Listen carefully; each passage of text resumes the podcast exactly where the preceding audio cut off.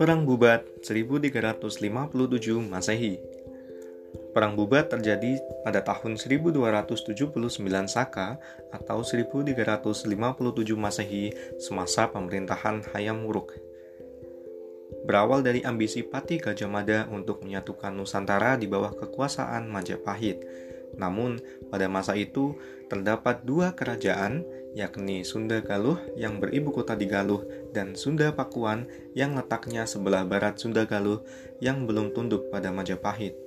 Pada saat itu, Raja Sunda Galuh adalah Prabu Linggabuana. Tekad Pati Gajah Mada untuk membuat kerajaan Sunda menjadi bawahan Majapahit rupanya bertentangan dengan pandangan pihak istana, yaitu Tribuana Wijaya Tunggadewi yang berpendapat bahwa kerajaan Sunda adalah kerabat sendiri Sementara sikap Hayam Wuruk terlihat lebih condong pada pandangan Tribuana Tunggadewi ketimbang Pati Gajah Mada. Di lain waktu, Hayam Wuruk berhasrat mendapatkan seorang permaisuri untuk menampingi dirinya. Maka diutuslah beberapa juru gambar untuk melukis putri-putri cantik dari kerajaan lain untuk ditunjukkan kepada Hayam Wuruk. Dengan harapan apabila ada salah satu gambar yang menarik, maka Hayam Wuruk akan menetapkan pilihan. Namun sudah sekian banyak juru gambar yang kembali ke istana, tak ada satupun yang menarik bagi Hayam Wuruk. Lalu dikirimlah seorang juru gambar ke kerajaan Sunda untuk melukis putri Sunda yang juga anak dari Prabu Lingga Buana, yang konon kecantikannya sudah tersohor pada masa itu. Sementara itu, Patih Gajah Mada yang memiliki kepentingan pribadi ikut menyisipkan orang kepercayaannya. Sesampainya di Sunda, orang-orang kepercayaan Gajah Mada itu menyampaikan maksud agar Sunda mengaku tunduk pada Majapahit. Sekembalinya dari Sunda, sang juru gambar memberikan lukisannya kepada Raja Hayam Wuruk. Hayam Wuruk tertarik akan kecantikan putri Sunda dan berniat untuk menjadikannya permaisuri. Atas restu dari keluarga kerajaan, Hayam Wuruk mengirimkan surat kehormatan kepada Prabu Linggabuana untuk meminang putrinya melalui perantara bernama Tuan Anepaken. Kemudian, rombongan berikutnya yang dipimpin oleh Madu membawa barang keperluan untuk meminang putri Sunda kepada Raja Prabu Linggabuana.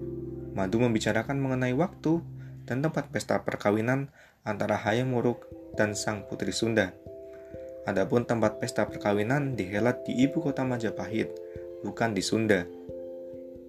Setelah pinangan Hayam Wuruk diterima, Prabu Lingga Buana, Permaisuri, dan beberapa kerabat istana berangkat ke Majapahit untuk mengantarkan putrinya ke pesta perkawinan. Pada hari yang telah disepakati, berangkatlah rombongan Lingga Buana ke Majapahit. Keberangkatan rombongan petinggi Sunda ini diantarkan oleh rakyatnya ke pantai. Sesampainya di laut, mereka melihat laut berwarna merah darah yang melambangkan bahwa rombongan itu kemungkinan tidak dapat kembali ke negeri Sunda. Namun petanda tersebut tidak dihiraukan oleh Lingga Buana dan rombongannya. Sesungguhnya, rencana pernikahan Putri Sunda dengan Hayam Wuruk yang dilaksanakan di Majapahit itu tidak disetujui oleh pihak Dewan Kerajaan Sunda terutama Patih yang Bunisora Suradipati. Karena menurut adat yang berlaku bahwa tidak lazim pihak pengantin wanita yang datang ke tempat pihak pengantin pria.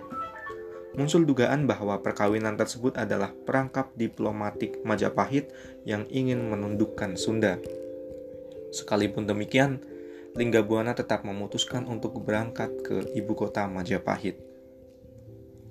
Sesampainya rombongan Sunda di peseranggahan Bubat, datanglah utusan Patih Gajah Mada yang menyampaikan maksud agar putri Sunda diserahkan kepada Hayam Wuruk sebagai tanda takluk Sunda pada Majapahit. Prabu Linggabuana yang merasa harga dirinya telah diinjak-injak dengan perlakuan Patih Gajah Mada, namun sebagai pemimpin yang bijak, Linggabuana tidak bertindak gegabah untuk serta-merta mengadakan perlawanan di tempat itu. Akan tetapi, kearifan hati Prabu Lingga Buana tidak diikuti oleh anak buahnya. Dalam situasi tersebut, pasukan Sunda merasa dilecehkan, Kemudian rombongan Sunda ingin mendesak Hayam Wuruk untuk menerima putri Sunda sebagai pengantin, bukan sebagai tanda takluk Sunda kepada Majapahit. Terjadilah perselisihan antara utusan Prabu Linggabuana dengan Patih Gajah Mada. Gajah Mada dicaci maki oleh utusan kerajaan Sunda yang terkejut bahwa kedatangannya ke Majapahit hanya sekadar menyerahkan tanda takluk dan bukan karena undangan seperti sebelumnya. Akhirnya, perang pun tak terhindarkan antara rombongan Sunda dengan pasukan Majapahit di bawah komando langsung oleh Patih Gajah Mada.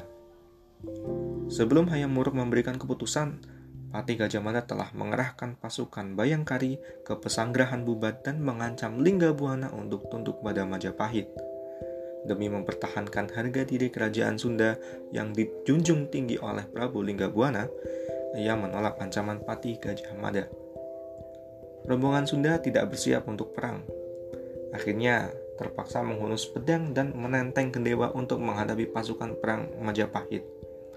Berlangsunglah peperangan yang tidak seimbang antara pasukan Majapahit yang berjumlah besar dengan pasukan Sunda yang terdiri dari pasukan pengawal, para pejabat, dan para petinggi kerajaan Sunda di pesanggerahan Bubat.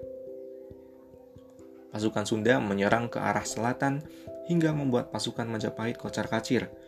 Serangan dari pihak kerajaan Sunda dapat dipatahkan dan dipukul mundur setelah pasukan berkuda Majapahit melesat ke dalam pertempuran.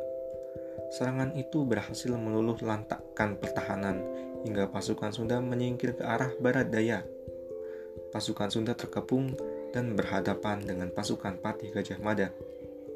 Setiap prajurit Sunda yang mencoba menghadang serangan Pati Gajah Mada gugur satu persatu hingga menewaskan Prabu Linggabuana dan hampir seluruh petinggi kerajaan Sunda tewas di tempat.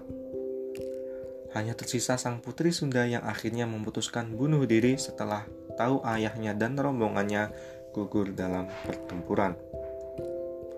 Hayam Wuruk menyesalkan atas apa yang terjadi pada saat itu Ayam Muruk segera mengutus Dharma Diaksa dari Bali untuk menyampaikan permohonan maaf kepada Patih yang Bunisora Soradipati yang menjadi pejabat sementara sebagai Raja Sunda. Selain itu, utusan Hayam Muruk juga menyampaikan bahwa peristiwa di Besanggrahan Bubat akan dituliskan di Kidung Sunda dan Kidung Sundayana. Sementara serat Pararaton menyebutkan bahwa setelah peristiwa besar tersebut, Hayam Wuruk mengadakan acara besar untuk menghormati orang-orang Sunda yang mangkat. Akibat dari perang ini, hubungan Hayam Wuruk dengan Patih Gajah Mada menjadi renggang.